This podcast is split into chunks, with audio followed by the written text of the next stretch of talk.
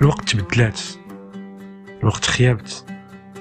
كلها مفردات كنسمعوها وكلها كيبقى يعطي التفسير وكيحلل فيها شخصيا كنشوف أن عندها تفسير واحد. وهو أن بزاف ديال الناس ما بقاوش موازنين بين حقوقهم وواجباتهم. هادشي عادي عادي بزاف. في مجتمع كنعلمو فيه الناس ياخدو الحقوق ديالهم وما كنوريوهمش كيفاش يديروا الواجبات ديالهم. وهادشي كيبدا ديما من الدار الأصل. نعطيكم مثال كيف العادة. من الماضي ونقارنو بواقعنا ديال دابا. زمان كان الراجل والمرأة كل واحد عارف دورو وما كانش شي واحد كيتعدى على الآخر.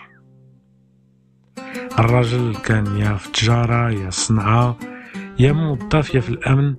كيركز في خدمته وكيصور ديك البركة. المرأة كانت خدامة بصنعتها ومكلفة بدارها. هادشي من غير ذاك الطابع التربوي اللي كيكون عند الطرفين بجوج الراجل مثلا ما كيدخلش في أمور الدار الكوزينة الديكور. والاثاث والمرأة ما كتدخلش في أمور الخدمة ديال الراجل وامتى كيدخل للدار. كل واحد عارف حدوده. كل واحد عارف واجباته. حتى الراجل إلا بغى يفوج مع صحابو ولا عرض عليهم الدار جات معاه. علاش؟ حيت الواجبات ديالو كيديرها على أتم وجه. وحتى المرأة. لا دارت حفلة في الدار وعرضات على الجيران والصحابات جات معاها حيت المسؤوليات اللي على العاتق ديالها كتقوم بهم على أكمل وجه. اليوم الموازين اختلات شي مجابد معاش.